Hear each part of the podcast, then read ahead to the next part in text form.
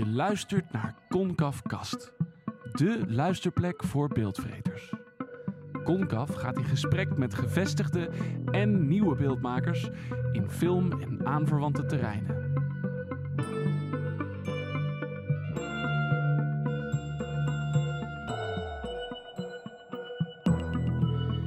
Mijn naam is Kevin Thoma, filmjournalist en bovenal filmliefhebber.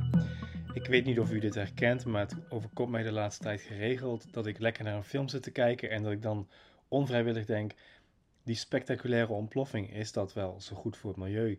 En zijn ze nou echt met de hele cast en crew naar de andere kant van de wereld gevlogen?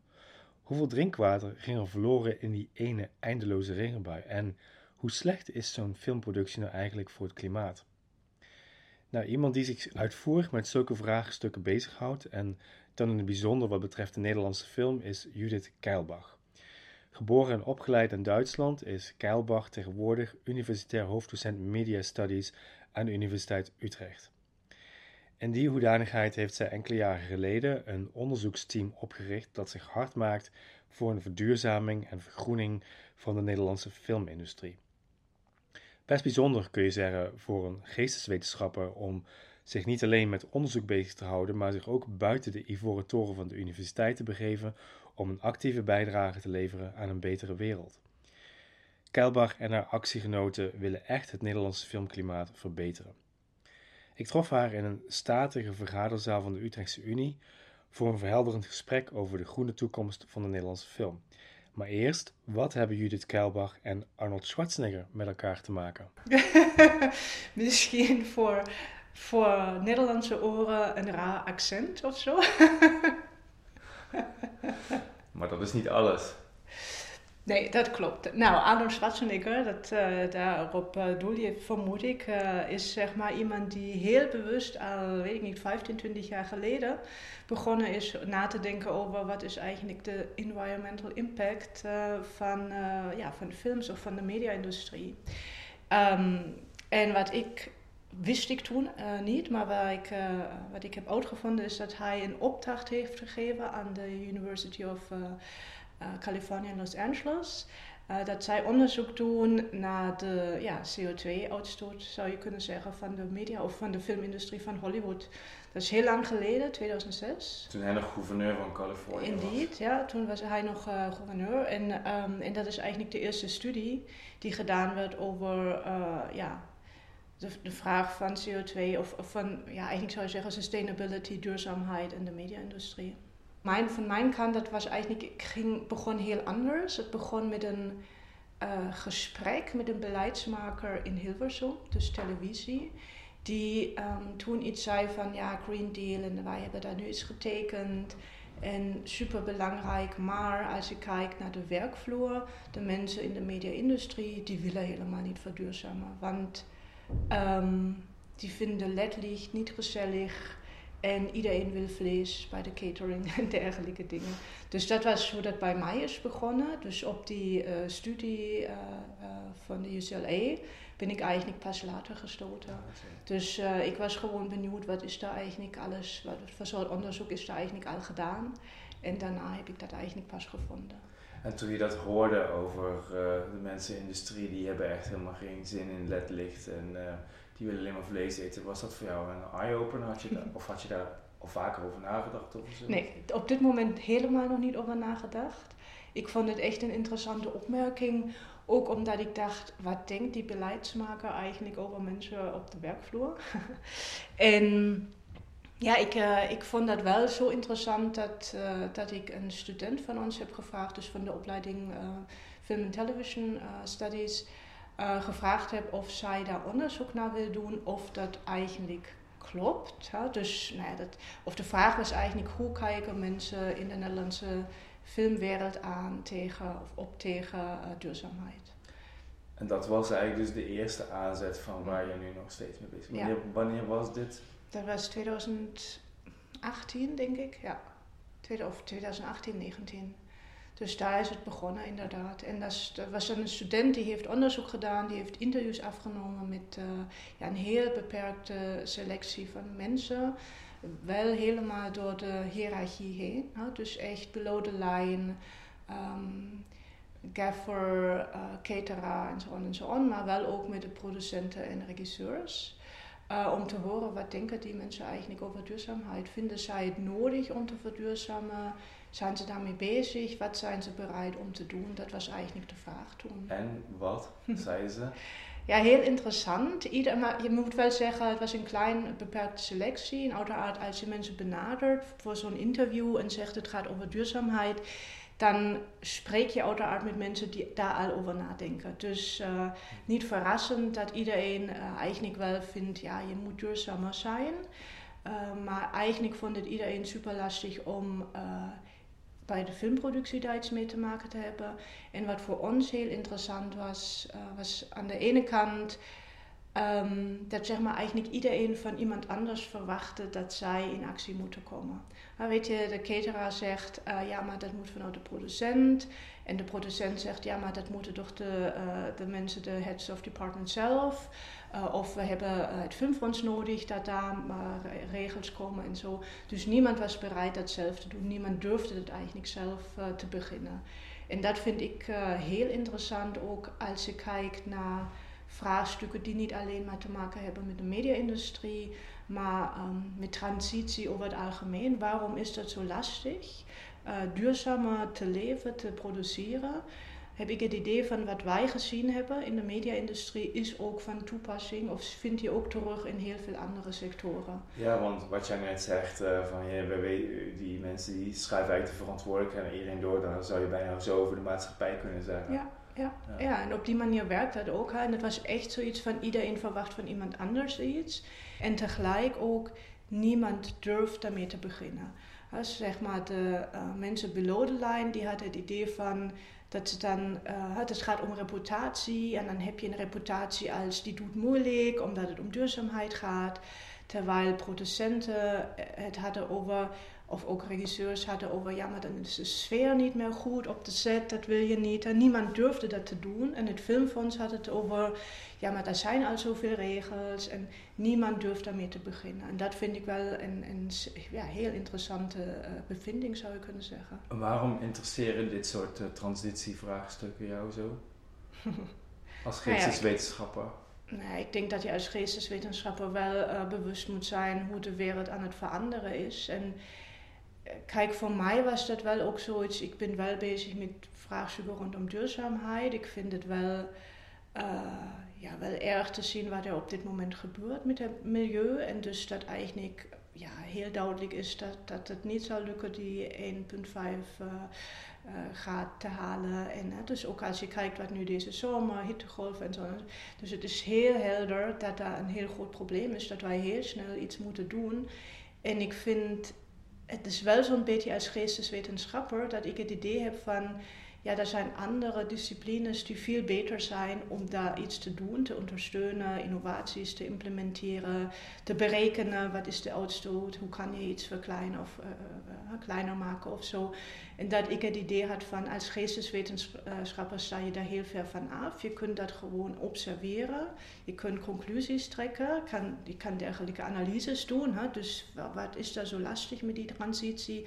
Maar ik had wel zoiets van nee, ik wil ook heel graag daaraan iets bijdragen. Hè? Dus, um, en dan zou je kunnen zeggen wat wij nu gedaan hebben met ons onderzoek is bijna een soort van action research. Hè? Dus we hebben iets ja, in gang gezet um, door onderzoek, waar wij hopen dat het wel ook gevolgen heeft. Uh, door nou ja, dat zeg maar het, uh, de productie duurzaam wordt, zou je kunnen zeggen. En hoe, uh, hoe gaf u dat onderzoek vorm? Hoe, hoe ging dat in zijn werk? Mm -hmm. Nou, we zijn begonnen eerst met een uh, zogenoemde desk research.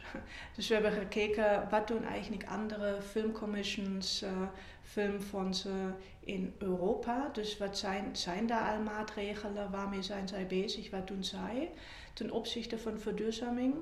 En dat was wel interessant om te zien dat er eigenlijk een heleboel landen al uh, ja, heel goed bezig zijn. En dat Nederland daar echt, uh, nou ja, echt achteraan loopt, zou je kunnen zeggen. Hoe kan dat? Uh, ja, mijn idee is dat dat aan de ene kant te maken heeft met mensen. Dus je hebt altijd iemand, één, twee, drie mensen nodig die daar echt uh, achter staan en die daar aan het pushen zijn. Um, dus dat zijn dan vaak filmcommissies die, uh, ja, die samenwerken met bepaalde regio's. Uh, dat zijn filmcommissies waar heel nou, producties naartoe komen omdat het heel mooi is om daar te draaien. Bijvoorbeeld Trentino, bijvoorbeeld Sardinië. Dus dat zijn mooie filmlocaties. En dus die commissies kunnen dan wel ook zeggen, ja, als jullie hier willen draaien, dan uh, moet je wel aan bepaalde eisen voldoen. Um, en daarna hebben wij gekeken, dus wat gebeurt in andere landen. Um, in Duitsland bijvoorbeeld is het vanaf nu verplicht uh, met duurzaamheid echt bezig te zijn, anders krijg je geen subsidie. Op, op de filmset bedoel ja, je? op de filmset uh, en ook televisie. Ja. Um, en uh, nou ja, dus dat hebben wij in kaart gebracht. hebben gekeken van wat zijn eigenlijk maatregelen die wij vinden die je ook hier zou kunnen implementeren. dus ook, met het, ook op, uh, het moet laagdrempelig zijn. Je kan niet meteen zeggen verplichten nu. um, en nou, daarmee zijn wij begonnen. Um, en hebben dan voorgesteld een aantal dingen te implementeren om te toetsen of dat eigenlijk werkt. Van alle instrumenten die Keilbach voorstelt voor de vergroening van de Nederlandse filmindustrie, springt er eentje direct in het oog. Dat is de zogenaamde Eco-manager. Iemand die net als de director of photography, de editor, de filmcomponist en de mensen van het licht onderdeel van de filmcrew uitmaakt en die zich voortdurend bezighoudt met de vraag hoe kunnen we deze productie zo milieuvriendelijk mogelijk maken. Voor mij is de eco-manager een heel nieuw begrip. Ik dacht oorspronkelijk aan een iets wat opdringerig figuur die voortdurend op de set in de nek van de filmmakers loopt te hijgen om hen op hun klimatologische en maatschappelijke verantwoordelijkheid te wijzen. Een soort eco-stalker zou je kunnen zeggen. Maar gelukkig blijft er van dat simplistische beeld weinig over als je met Judith Kelbach praat. Zo begint het werk, zegt zij, van de eco-manager al lang voordat de camera's gaan draaien. De belangrijkste dingen gebeuren voordat je begint met draaien. Dus dat is echt in de pre-production, waar het vooral daarom gaat te vragen hoeveel draaidagen, waar kom je, hoe kom je naar die locatie, um, welke cateraar heb je, wat voor licht heb je, kan je dat misschien reduceren? Is het handig om op en neer te rijden met de auto? Of is het misschien beter in een hotel te verblijven? Dergelijke dingen. Dus dat zijn echt gesprekken die vooraf gaan. Dus uh, het is helder dat zeg maar, je heel veel kunt halen als je een goede planning hebt. Hè? Ook zoiets van coulissen of um, uh, costumes of zoiets. Dus heb je al die 25 jurken nodig of wil je misschien, of lukt het misschien eerder een beslissing te nemen om te zeggen, oké, okay, die drie hebben wij nodig.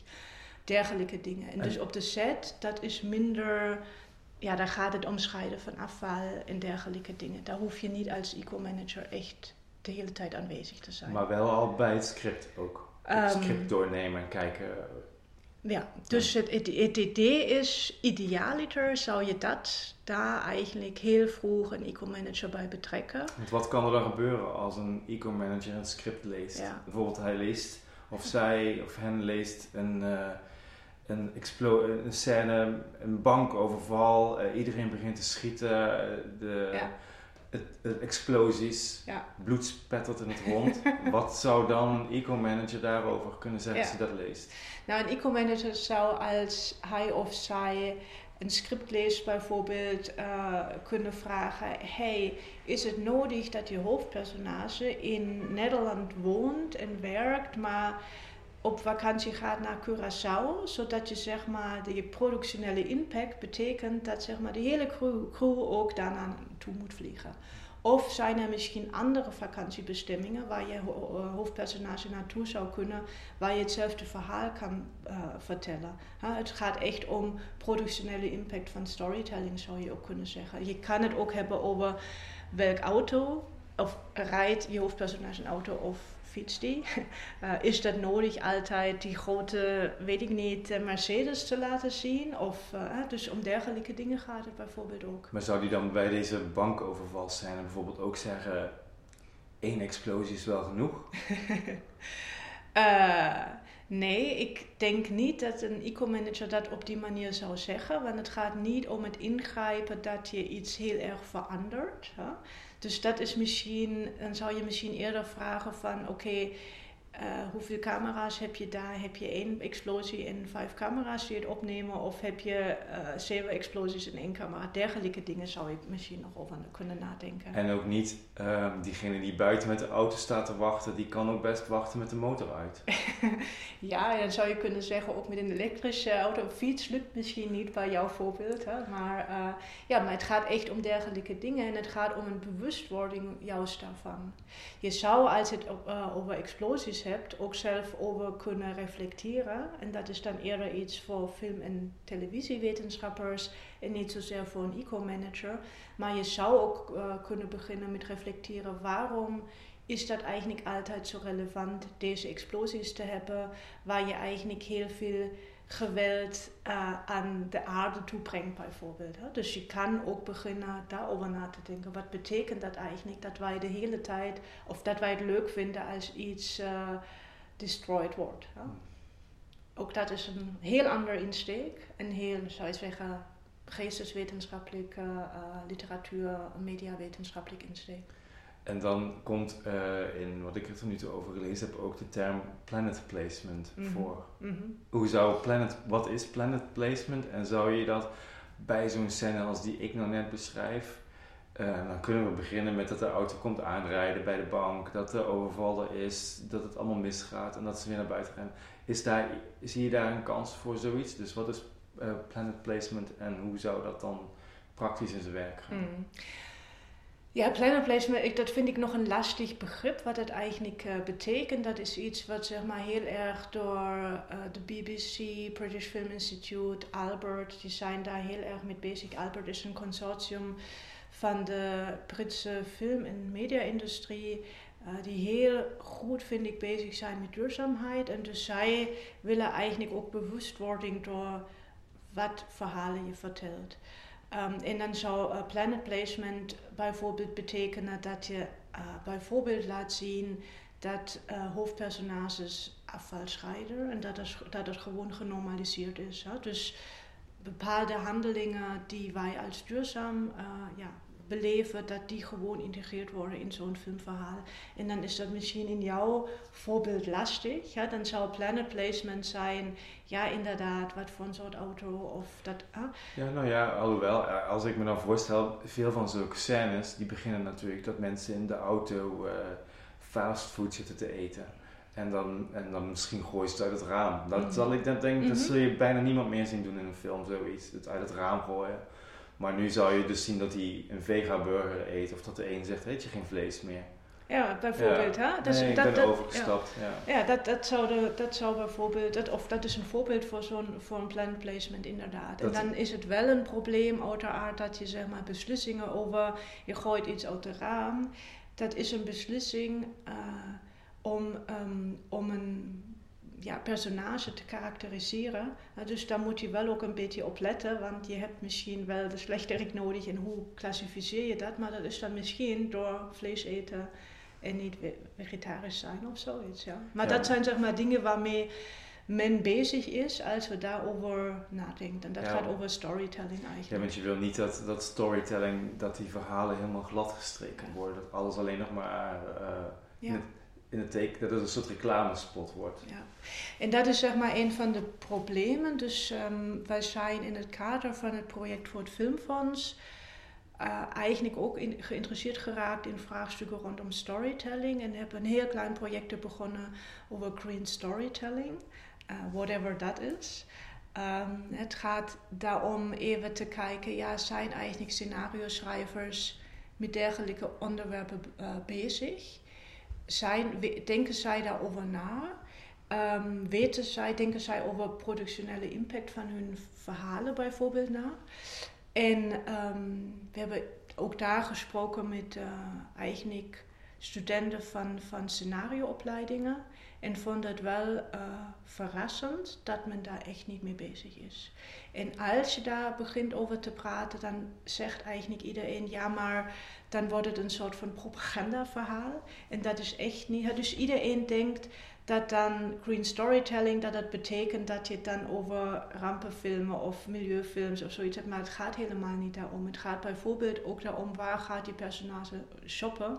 Is dat een second-hand winkel of uh, dus om dergelijke dingen eigenlijk. Ja, maar mensen zijn dus dan blijkbaar snel bang dat ze iets van hun artistieke vrijheid kwijtraken. Dat is interessant dat je dat zegt, want dat was eigenlijk onze verwachting toen wij met het project überhaupt zijn begonnen. Dus um, het gesprek 2020 bij het uh, Nederlands Filmfestival met regisseurs en producenten, daar hadden wij eigenlijk verwacht dat die zeggen, ja maar duurzaamheid dat is een probleem ten opzichte van creatieve vrijheid.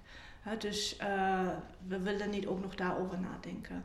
Maar interessant genoeg zei dat niemand. Alle vonden dat absoluut geen probleem en zeiden ja, we zijn met zoveel beperkingen bezig, de hele tijd bij het draaiboek schrijven. En het, uh, weet je, uh, uh, ja, dus als je produceert, het gaat altijd om beperkingen. Dus als, dat dan nog, als je dan ook nog moet letten op duurzaamheid, dat is ook geen probleem meer. Dat vond ik wel interessant. Terwijl de scenario-schrijvers, dus in de opleiding, het wel zo'n beetje daarover hadden van ja, maar dat zijn niet de verhalen die je in een film wilt vertellen. Terwijl ze wel alle zeggen, ja, maar privé zijn wij daar wel mee bezig. En dat vind ik dan ook weer interessant. Wat betekent dat? Dat je zegt, privé ben ik, maar in een film heeft dat geen plek. Terwijl toch bijna iedereen, of in ieder geval die groep studenten, daar wel heel erg mee bezig is. Ja, maar dat hangt natuurlijk ook dan weer af van wat je als scenario schrijver beoogt. Is dat escapisme of wil je iets van de wereld laten zien zoals die is? Denk je van, ik wil de mensen een paar uur geven waarin ze helemaal loskomen te staan van de problemen van alle dag? Of wil ik op de een of andere manier iets bijdragen aan een oplossing of confrontatie met uh, die uh, problemen van alle dag? Ja.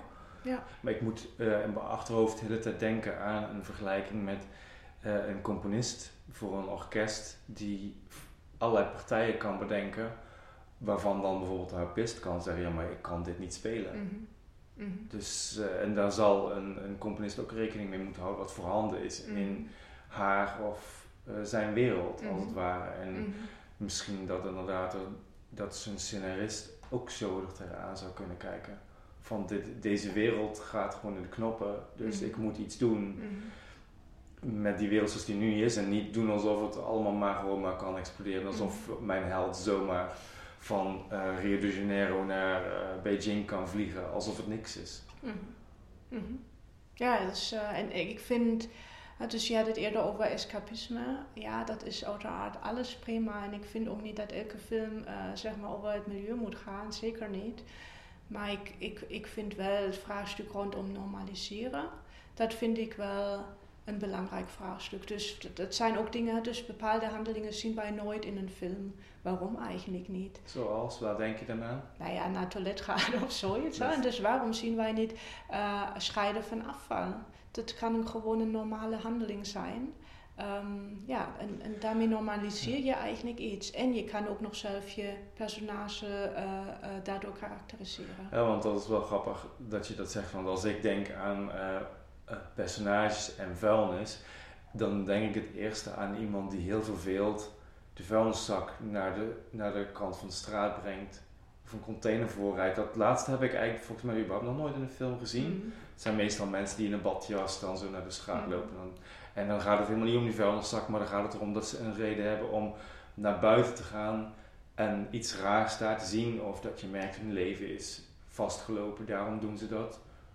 Maar ja, waarom zou die persoon inderdaad niet ook een GFT-bak Ja, naar buiten kunnen Ja. rijden? Of een zak met plastic. bijvoorbeeld. Hè? Dat is eigenlijk heel simpel. Ja. En dan is dat verder helemaal geen artistieke ingrijpen, maar wel iets wat laat zien, oh ja, dat doet zo iemand. Ja.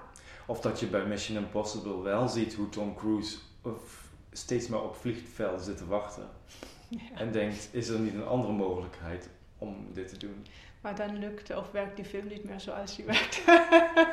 Nee, ja, maar, maar, dat zijn, maar dat zijn juist die vragen. En dan kan je ook weer die grotere vragen stellen. Hè? Waarom is dat zo relevant? Het, hè? Dus eh, technologie en vliegen en zo.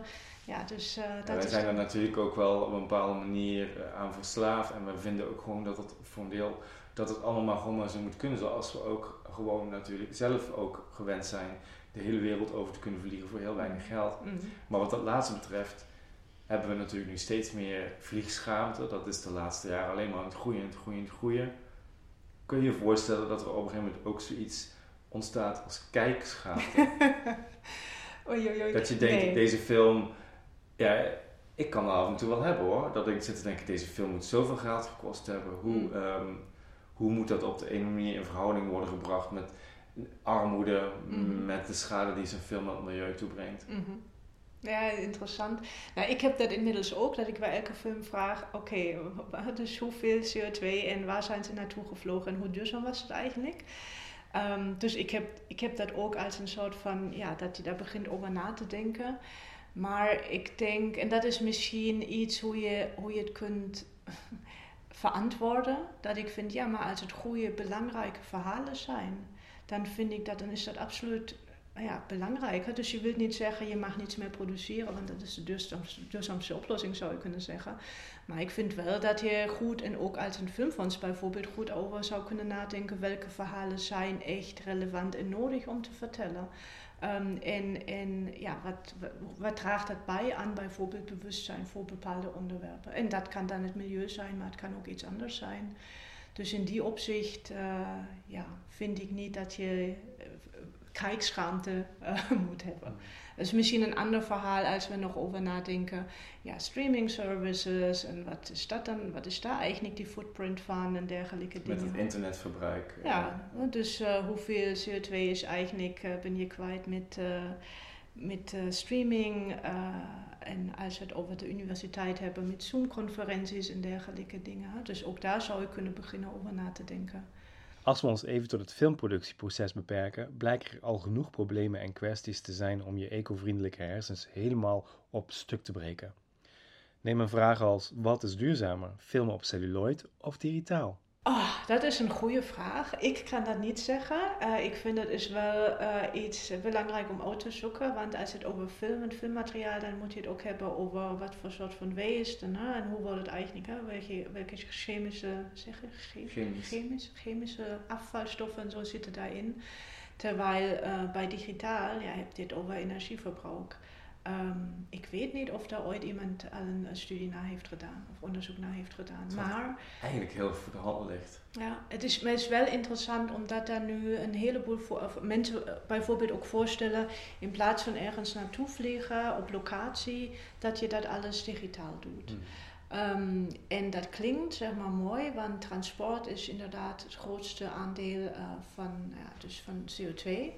Eh, maar dan is altijd de vraag, wat bereken je alles mee? Wat neem je alles mee bij dergelijke berekeningen? En heb je het dan alleen maar over energieverbruik van eh, je computer?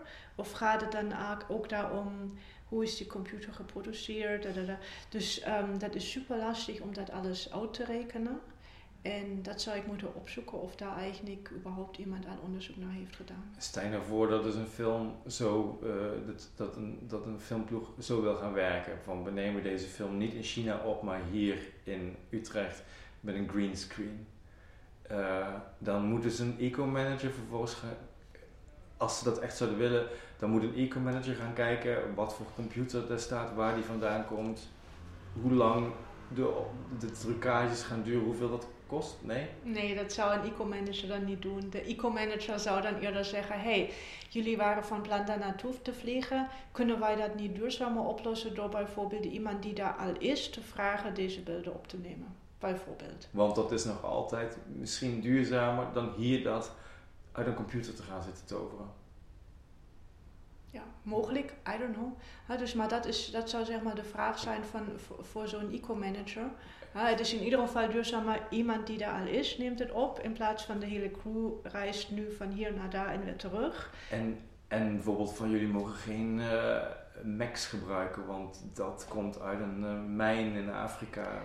Maar goed, als je daarmee begint en Ja. ja, dus als je daar echt serieus over nadenkt, dan is, het, dan is alles een probleem. Want dan is ook die filmapparatuur een, een probleem.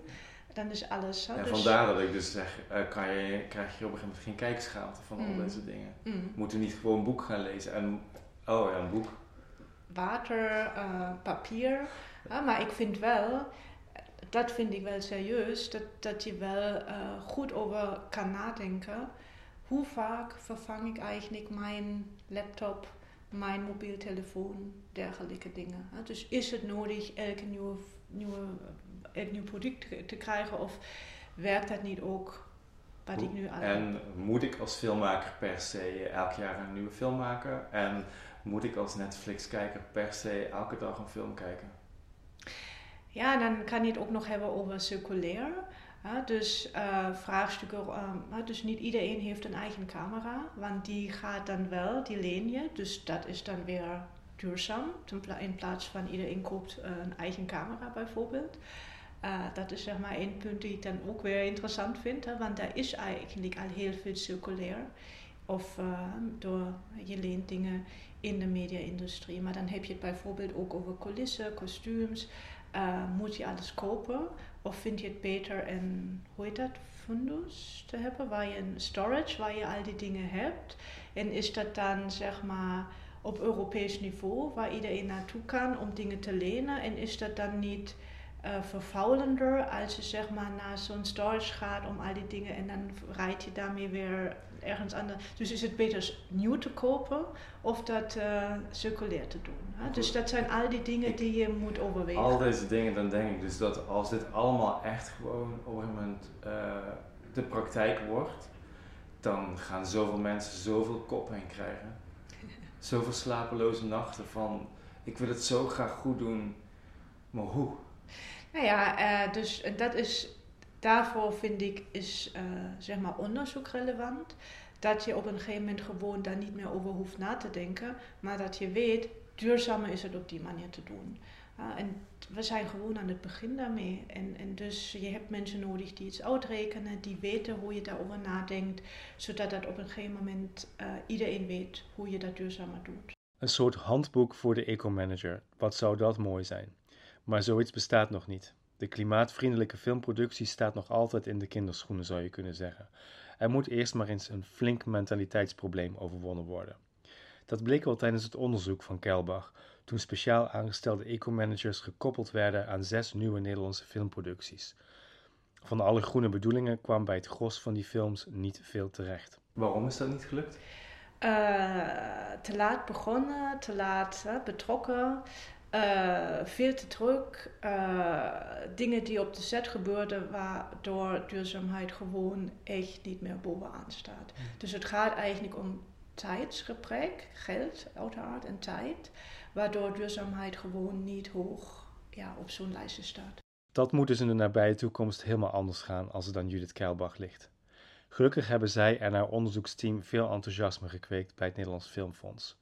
In 2021 presenteerde Keilbach het tussenrapport van haar onderzoek aan het fonds. Momenteel werkt ze aan het eindrapport, dat hopelijk tot structurele veranderingen in de productie van Nederlandse films zal leiden. Het Filmfonds had sinds 2015 al een duurzaamheidsmanager in dienst, namelijk Els Rientjes, de belangrijkste filmconsulent van Nederland als het om vergroening en verduurzaming gaat. Maar het fonds is zich dankzij het onderzoek van Judith Keilbach ook flink van het belang van de eco-manager bewust geraakt. Van mensen die niet van bovenaf en op afstand adviseren, maar direct bij een specifieke filmproductie betrokken zijn. Keilbach heeft dan ook goede hoop dat het fonds zich zal gaan inzetten voor een structurele opleiding van Nederlandse eco-managers. Vervolgens uh, vinden wij dat het Filmfonds extra geld moet geven, zodat die uh, zeg maar bij uh, producties betrokken zijn. Uh, en het gaat niet alleen maar om extra geld voor, uh, om mensen te betalen, maar misschien moet je ook andere soort apparatuur of zoiets inhuren. Dus ook dat is een vraag. Wie betaalt eigenlijk die extra kosten? Wij vinden dat het Filmfonds dat aan het begin moet doen. Maar bedoeling is uiteraard wel dat aan het eind dat zo vanzelfsprekend is dat je misschien zelfs ook geen eco-manager meer nodig hebt, omdat iedereen inmiddels weet hoe je dat eigenlijk duurzaam doet. Oh, dus er worden eerst allemaal mensen opgeleid en die komen dan weer onder werk te zitten. Ja, maar dus, nou ja, ik denk dat duurt een tijd totdat iedereen weet hoe dat gaat. Ja. Hmm. ja. En dat zal misschien weer parallel lopen aan hoe wij ons uh, in de hele maatschappij. Nou, idealiter heb je gewoon mensen die aan een filmacademie of waar dan ook uh, een opleiding volgen en gewoon leren welk soort licht en hoe je dat met catering en dat je over nadenkt hoe vaak rijdt je op en neer en dergelijke dingen. En zie jij dan een soort, uh, misschien is dat een heel suggestieve vraag zoals ik hem nu stel, maar dat maakt me nu even niet uit, maar zie jij dan een soort overeenkomst tussen het feit dat er dus nu plek zou moeten gaan komen voor zo iemand als een eco-manager en het feit dat we nu bijvoorbeeld ook intimiteitscoördinatoren opzet hebben. Dat heeft allemaal met bewustwording te Mhm. maken, met dingen die eerst allemaal vanzelfsprekend leken, maar die dat eigenlijk helemaal niet zo zijn. Mhm. Ja, wij hebben het eigenlijk eerder, eh, dus ik vind dat is een, eh, een, een goede vergelijking. Wij hebben het eerder vergeleken met eh, die COVID-managers. Want ehm, dat is wel opvallend. Hè? Eh, COVID, eh, productie stopt en om door te mogen gaan heb je die eh, COVID, eh, hoe heette die? Managers Ja. of whatever. Dat is dat denk ik altijd wel weer een beetje anders. Maar je ziet inderdaad nu bij alle films op de aftiteling Ja. staan. Ja, en daar is, daar is een protocol hè, wat deze mensen moeten doen, zodat een productie door mag gaan. En dat ging waanzinnig snel. Die opleiding van die COVID-mensen op de set. Eh, en ze hebben gewoon hun werk gedaan. En dus mijn vraag is, ja, waarom lukt dat eigenlijk niet met eco-managers? Ja, het heeft te maken met urgentie. Dus, eh, dus het ligt niet voor de hand. Want, ja, Ja, het- de ene is inderdaad nu en het andere kan je denken, ja dat komt. maar dat komt is... eh, Dat is, Het is 2030, je moet Ja. eh, volgens mij eh 49% van de CO2-uitstoot terug. Dat is binnenkort. Ik denk nu echt van, er moet iemand een film gaan maken over eh boerenopstand, het stikstofdebat. En daar moet dan een eco-manager bovenop zitten. Ja. Wat zou dat nou voor een film worden? Nee, Nederlandse. Heel Nederlands, ja.